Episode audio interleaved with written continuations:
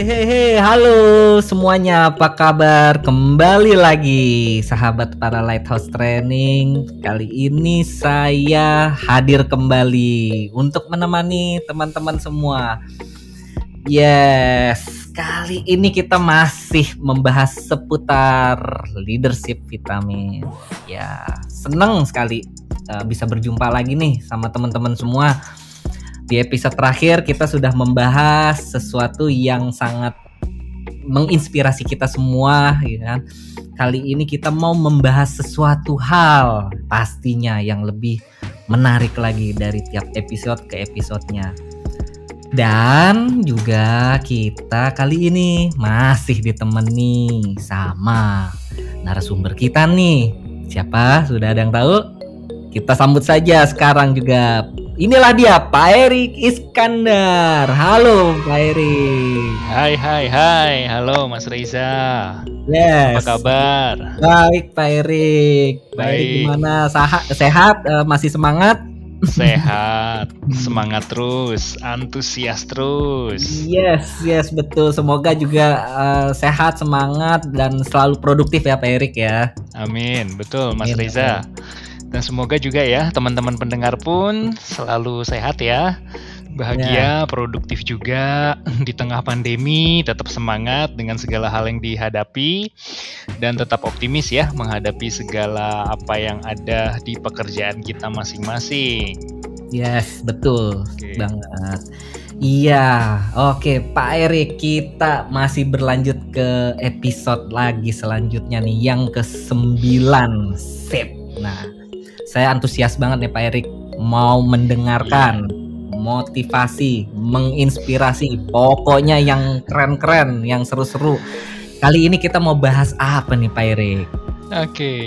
iya Mas Reza, yes, kita akan bahas hal yang menarik ya di episode ke-9 ini terkait hmm. peran kepemimpinan kita. Hmm. Karena judul podcast kita kali ini adalah The Invisible Force alias wow. kekuatan yang tak terlihat ya. Kekuatan yang tak nah, terlihat, the invisible betul. force. Wow. The invisible force.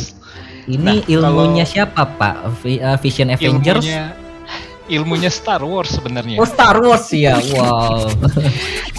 May the force be with you. And may the force be with you. May the iya force iya be dong. with you ya. Betul. Nah kan kalau Mas Reza kan juga penggemar Star Wars kan? Kan kalau yes. Star Wars kan tahu dong motonya May the force be with you. Wah, yes. Semoga betul kekuatan itu bersama denganmu. Wow. Nah jadi kita akan bahas mengenai the invisible force dan apa hubungannya dengan leadership peran kita yes. sebagai pemimpin di organisasi kita. Oke, gitu, Mas Reza. Siap, siap Pak Erik. Mantap. Sebelum okay, mulai saya mau nanya dulu nih ke Mas Riza. Hmm. Kan oh, Mas Riza kan udah nonton nih Star hmm. Wars ya episode 1 sampai 9 kan? Yo, dong, ngikutin saya. Masih inget dong tokoh-tokoh utamanya kan ya? Iya, yes, uh, masih inget lah yang terakhir si Ren lah ya karakter Ren tiga uh, triloginya. Uh, ada Ren, ada Ray, tokoh iya, utamanya ya, si Ray ya di hmm, episode 789. Hmm. Nah, di episode 123 kan ada Anakin Skywalker. Ya. Hmm, ingat ya. Skywalker, betul. Nah, yang 456 kan tokohnya si Luke Skywalker. Ya. Nah, baru 789 ada si Ray. Yes. Skywalker juga akhirnya kan? Iya, akhirnya walaupun sebenarnya nggak ada hubungan darah ya dengan Skywalker. Iya. Ya. Tapi akhirnya dia pakai nama Skywalker itu ya. Hmm, betul. Nah, sebenarnya kan kalau dilihat dari Star Wars itu ya, mulai dari Anakin sampai Luke sampai dengan Ray, mereka hmm. itu kan punya Force. Iya, betul. Jadi mereka itu punya kekuatan. Mm -hmm. Nah, yang menarik mereka itu bisa terpantik kekuatannya karena mereka punya leader si okay. Anakin Skywalker kalau masih ingat Mas Riza hmm. dia punya leader si Obi Wan Kenobi oh iya si Luke Betul. Luke Skywalker dia dipimpin oleh Yoda Master Yoda, Yoda kan Yoda hmm. betul dan Rey dibimbing oleh si Luke Skywalker sendiri hmm. ya jadi setiap tokoh di Star Wars itu punya leader yang memantik kekuatan force mereka. Hmm. Nah, jadi sebenarnya kita sebagai leader di organisasi itu punya hmm. peran untuk memantik kekuatan, memantik force dari setiap anggota tim kita, Mas Riza. Okay. Nah, jadi kita perlu mendorong dan memantik force dari anggota tim kita supaya mereka bisa perform pada akhirnya. Nah, hmm. itulah yang akan menjadi topik yang akan kita bahas kali ini. Oke. Okay. Oke. Okay. Siap. Siap. Oke. Okay. Sip, sip, sip, sip. Baik. So langsung saja Mas Riza, kita akan segera bahas topik kita dengan judul The Invisible Force alias kekuatan yang tak terlihat. Dan yeah, mari seperti yeah. biasa kita awali dulu dengan sebuah kisah berikut ini. Yes.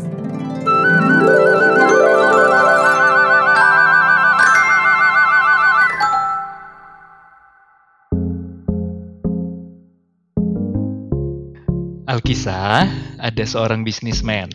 Bisnismen ini lagi stres karena usahanya hampir bangkrut dan dia lagi terlilit hutang. Nah, suatu hari si bisnismen ini karena sedang stres, dia duduk di bangku taman. Dia merenung, dia berpikir gimana caranya supaya perusahaannya bisa survive, bisa selamat dari kebangkrutan. Nah, lagi asik-asik duduk, tiba-tiba ada seorang kakek nih seorang kakek datang mendekati si bisnismen. Si kakek ini duduk di samping si bisnismen dan kakek itu berkata, "Hei anak muda, saya lihat kamu tampaknya sedang ada masalah." Lalu akhirnya si bisnismen pun cerita tentang masalah yang dihadapi. Si kakek pun mendengarkan dan setelah si mende selesai mendengarkan, si kakek kemudian berkata, "Jangan khawatir anak muda, saya bisa membantumu."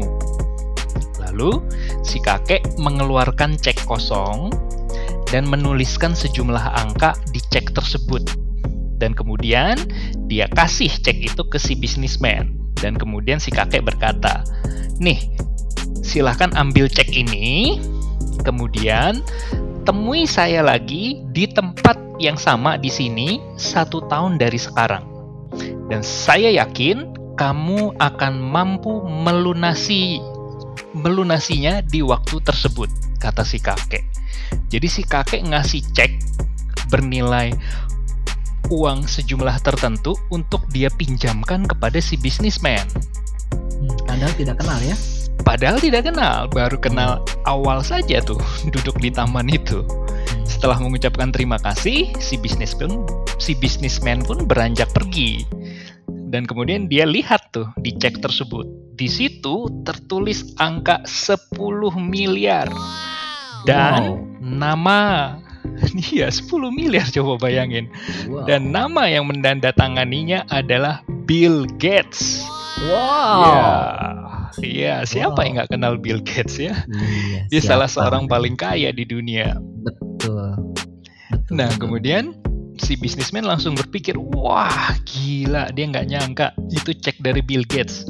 Dia langsung berpikir, wah ini semua cek ini bisa langsung menghapus masalah finansial saya nih dalam sekejap, kata si bisnismen ya. Nah, tapi akhirnya si bisnismen memutuskan untuk menyimpan cek yang belum dicairkan tersebut, dia taruh ke bangka, berangkas pribadinya. Jadi dia menyimpan cek tersebut sengaja tidak dia cairkan, dia taruh saja di berangkas pribadinya dan dia sembunyikan di situ. Karena hanya dengan mengetahui bahwa dia memiliki cek 10 miliar di berangkas, itu saja sudah memberinya semangat dan kekuatan untuk bekerja keras menyelamatkan bisnisnya.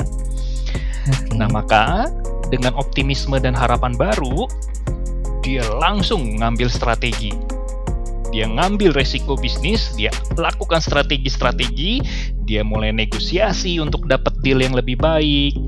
Akhirnya dia bisa nego untuk dapat perpanjangan waktu pelunasan hutangnya. Dia akhirnya juga berhasil dapat project dengan nilai sales yang besar. Dan hanya dalam waktu 10 bulan, dia berhasil memulihkan keadaan perusahaannya dan bisnisnya mulai menunjukkan kenaikan profit yang signifikan. Dan akhirnya Tepat satu tahun kemudian, sesuai janji ya, si bisnismen itu pun kembali ke bangku taman tempat dia bertemu si kakek alias Bill Gates. Dia bawa cek yang masih utuh, yang belum dia cairkan, dan dia nggak sabar untuk segera cerita kisah suksesnya kepada sang kakek alias Bill Gates. Nah, kemudian tibalah waktu yang sudah disepakati, datanglah sang kakek menemui sang bisnismen. Nah, lalu Ketika sang bisnismen baru saja mau ceritain tentang kisahnya dan mau menyerahkan cek utuhnya itu, tiba-tiba datanglah beberapa orang dengan seragam perawat rumah sakit menjemput sang kakek. Lalu salah seorang petugas berkata kepada sang bisnismen, "Aduh, Pak, Pak, syukur kami menemukan si kakek ini di sini bersama Bapak. Dia itu emang sering keluar kabur, Pak. Dia sering kabur keluar dari rumah sakit jiwa kami, Pak. Dan dia kalau kabur sering ngaku-ngaku sebagai Bill Gates, Pak, kepada banyak orang." Dan akhirnya kagetlah si bisnismen. Selama ini dia kira cek tersebut asli dan berasal hmm. langsung dari Bill Gates dan ternyata selama ini dia salah. Ah. Oke. Okay. aja belum dicairkan ya. iya. Justru karena dia tidak mencairkan ya, dia tidak tahu bahwa itu ternyata palsu, ya. Iya. iya. nah, jadi Mas Reza dan teman-teman pendengar yang menarik dari kisah ini kan sang bisnismen itu seakan-akan mendapat force gitu ya. Dia mendapat the invisible force. Seakan-akan dia mendapat kekuatan yang tak terlihat dari cek tersebut. Padahal cek itu kan belum dia cairin, tapi dengan adanya cek tersebut itu memberi dia kekuatan. Hmm. Jadi yang penting itu sebenarnya adalah uh, bagaimana si bisnismen memaknai cek yang diberikan kepadanya. Meskipun dalam tanda kutip ya cek itu palsu iya. ya, hmm. tapi dia memberikan makna kepada cek tersebut yang kemudian mampu memberikan the invisible force, mampu memberikan kekuatan kepada sang bisnismen sehingga dia bisa bangkit dan menyelesaikan permasalahan bisnisnya. Ya. Oke, okay. nah, so Mas Riza dan teman-teman pendengar langsung saja ya. Yuk kita bahas tiga pembelajaran utama dari kisah sang bisnismen dan Bill Gates palsu tersebut. Ya, oke kita akan bahas tiga pembelajaran utama. Baik, pembelajaran yang pertama. Pembelajaran yang pertama adalah you need to give purpose for the work of your team. Jadi, invisible force yang pertama adalah purpose.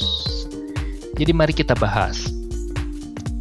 Kalau tadi Mas Riza dan teman-teman pendengar masih ingat ya, yang membuat si bisnismen bersemangat kembali itu karena dia punya purpose. Purpose-nya apa? Purpose-nya untuk balikin pinjaman cek 10 miliar itu dalam waktu satu tahun.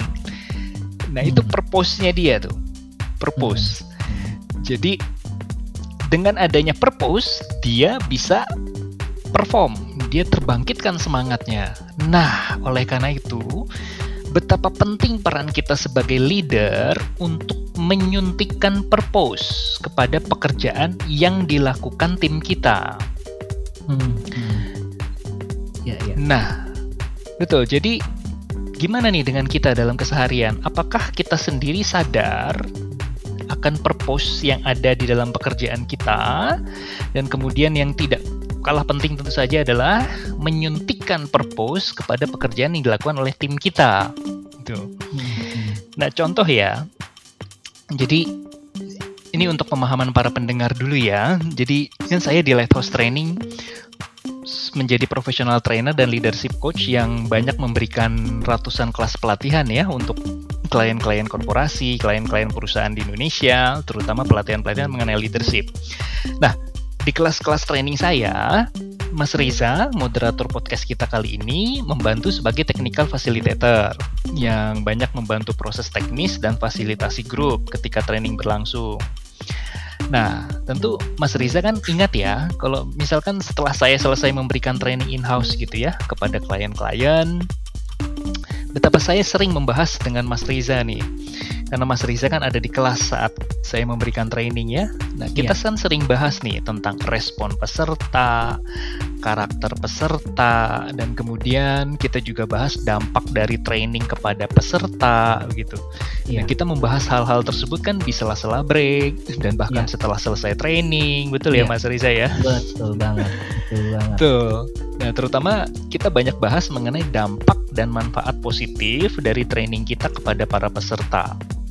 Ya. Nah, mengapa saya sering mengajak Mas Riza diskusi mengenai dampak dari training kita kepada para peserta?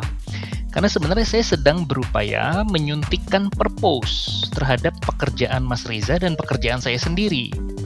Karena kan apa sih purpose kita memberikan training kepada para manajer, para leader di berbagai perusahaan di Indonesia ya? Tidak lain tidak bukan kan purpose-nya untuk membantu mereka meningkatkan kapabilitas kepemimpinan. Ya. Supaya mereka mampu mimpin dengan lebih efektif dan lebih berdaya. Itu purpose kita. Dan itu sering saya diskusikan bersama dengan Mas Reza dalam upaya menyuntikkan purpose kepada pekerjaan kita. Karena kan suka duka memberikan training itu banyak lah ya Mas Riza ya. ya. ya nah, pasti. supaya kita bisa kuat ngadepin itu semua mesti punya purpose yang kuat terhadap pekerjaan kita sendiri gitu. Hmm. Nah, jadi balik lagi nih kepada teman-teman pendengar. Ketika Anda memimpin, ketika teman-teman pendengar memimpin, ketika kita memimpin, seberapa sering kita membahas, bercerita, sharing, sharing tentang dampak dari pekerjaan kita kepada customer kita, seberapa sering kita sering ngobrol santai dengan tim kita, membahas tujuan mulia dan manfaat positif dari pekerjaan kita buat orang lain, dan seberapa sering kita menunjukkan bukti dampak positif dari pekerjaan tim kita kepada mereka sendiri.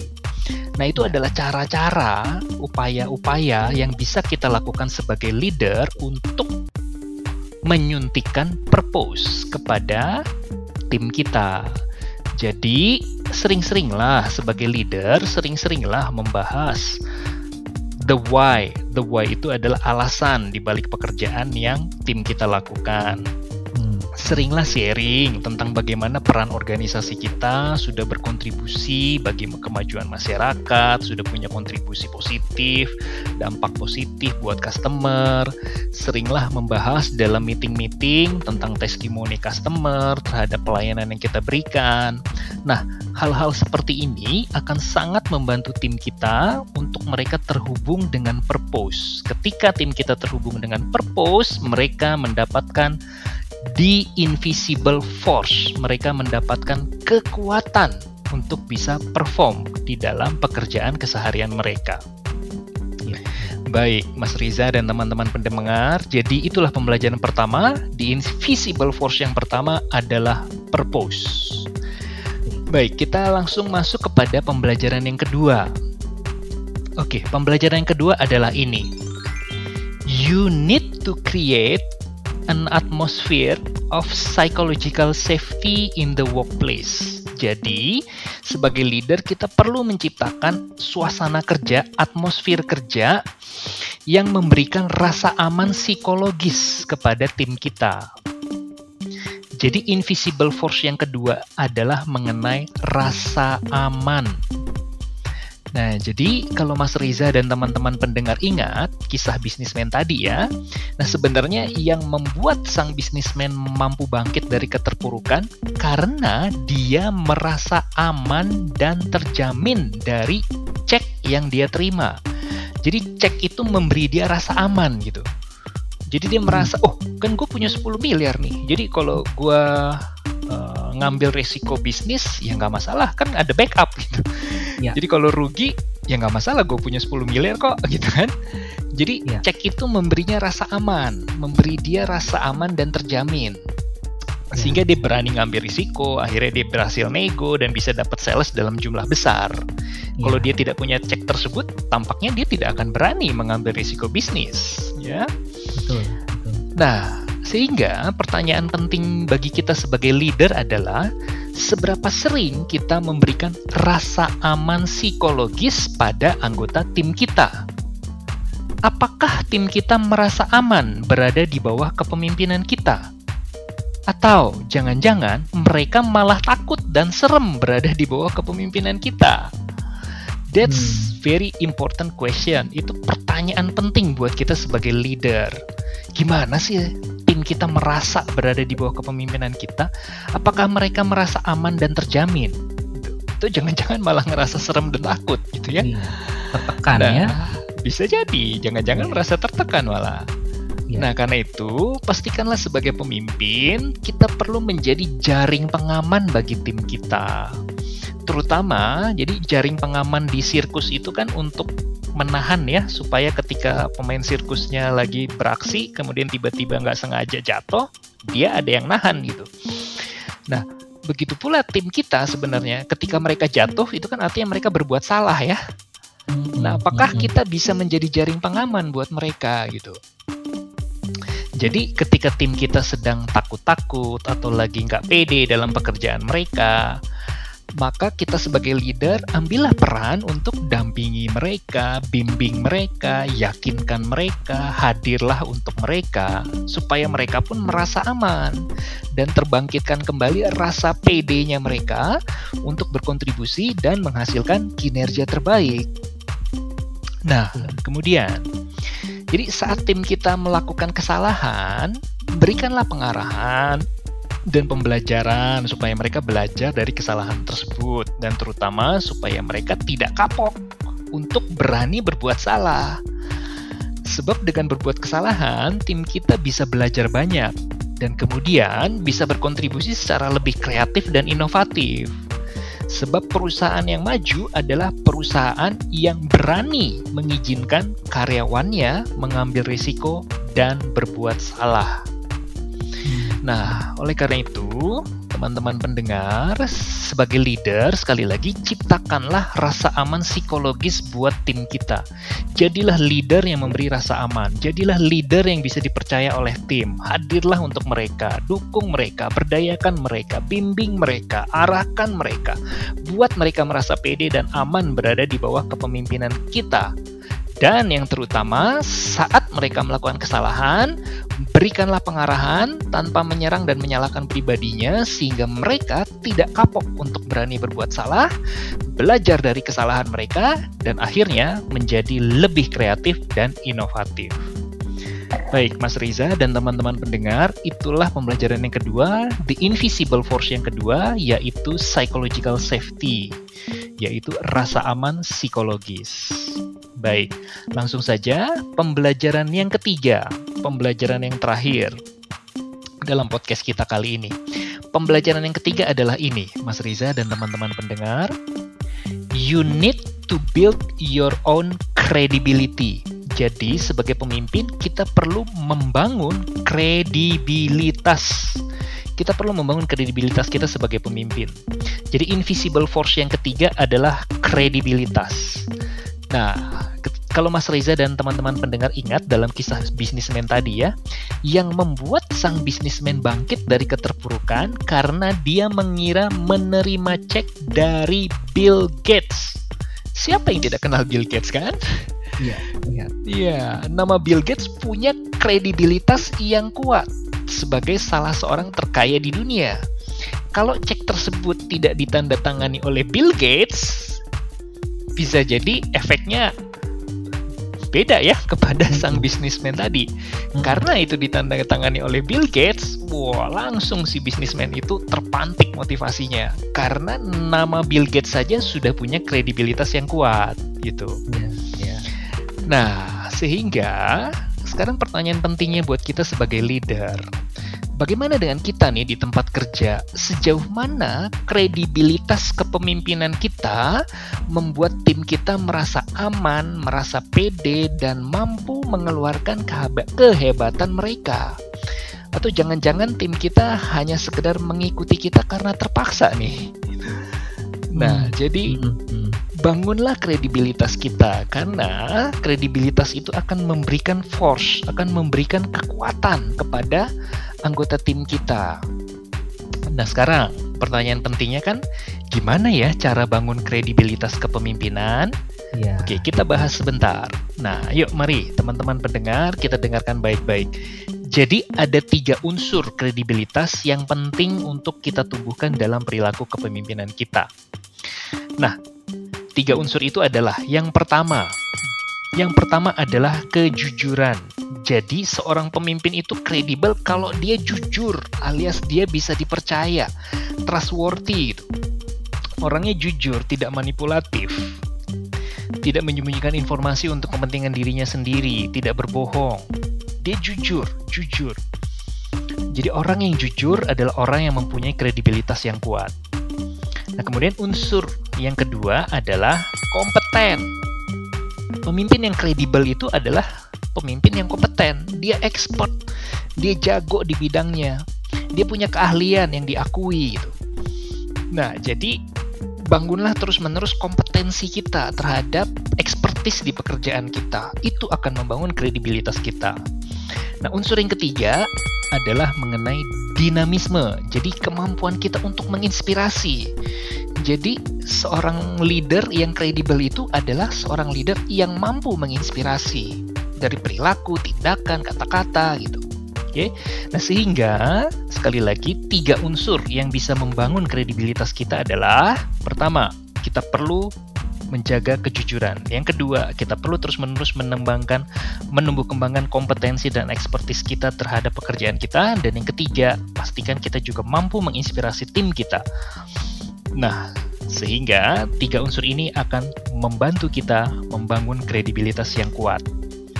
Nah, kemudian singkatnya nih ya, dalam wujud perilaku, pemimpin yang kredibel itu adalah pemimpin yang melakukan D W Y S Y W D. Saya ulangi. Jadi pemimpin yang melakukan D W Y S Y W D. Waduh, apa itu ya? D W Y S Y W D adalah do what you say you will do. Jadi lakukanlah apa yang kita katakan akan kita lakukan. Jadi pemimpin yang kredibel itu adalah pemimpin yang melakukan apa yang dia katakan akan dia lakukan.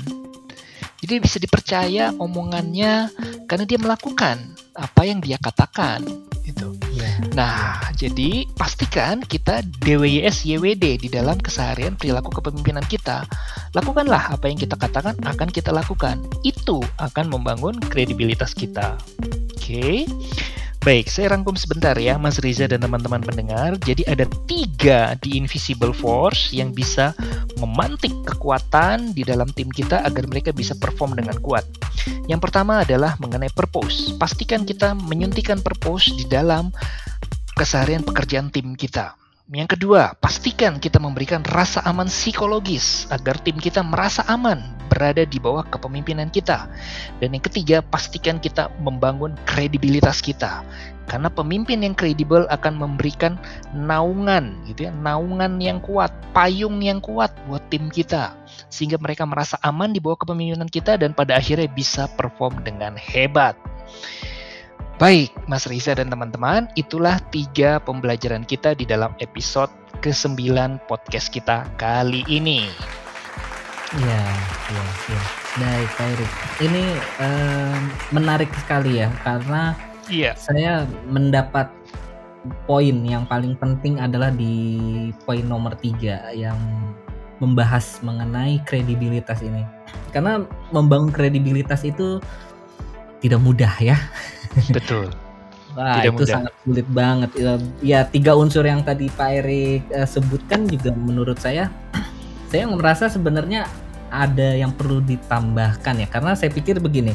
Selain tiga unsur yang tadi kita dapatkan itu karena respect good, good. itu juga perlu, Pak, menurut saya. Ya, I, uh, I think ya menurut saya uh, uh, respect itu terhadap terhadap anggota tim uh, itu juga perlu gitu. Jadi sebagai seorang pemimpin saya pikir juga harus menghargai uh, dari hasil kerjanya apa yang sudah dia lakukan. Uh, kita perlu menghargai lah prosesnya seperti apa. Terkadang kan uh, ya saya dulu pernah bekerja di sebuah perusahaan juga gitu. Jadi hmm. terkadang ada leader yang yang saya pikir juga dia kurang aware gitu, kurang kurang memahami kita sudah bekerja mati-matian, terus responnya malah tidak ada gitu kan. Kita kan sebagai sebagai anggota tim merasa ingin diberikan ya setidaknya apresiasi lah.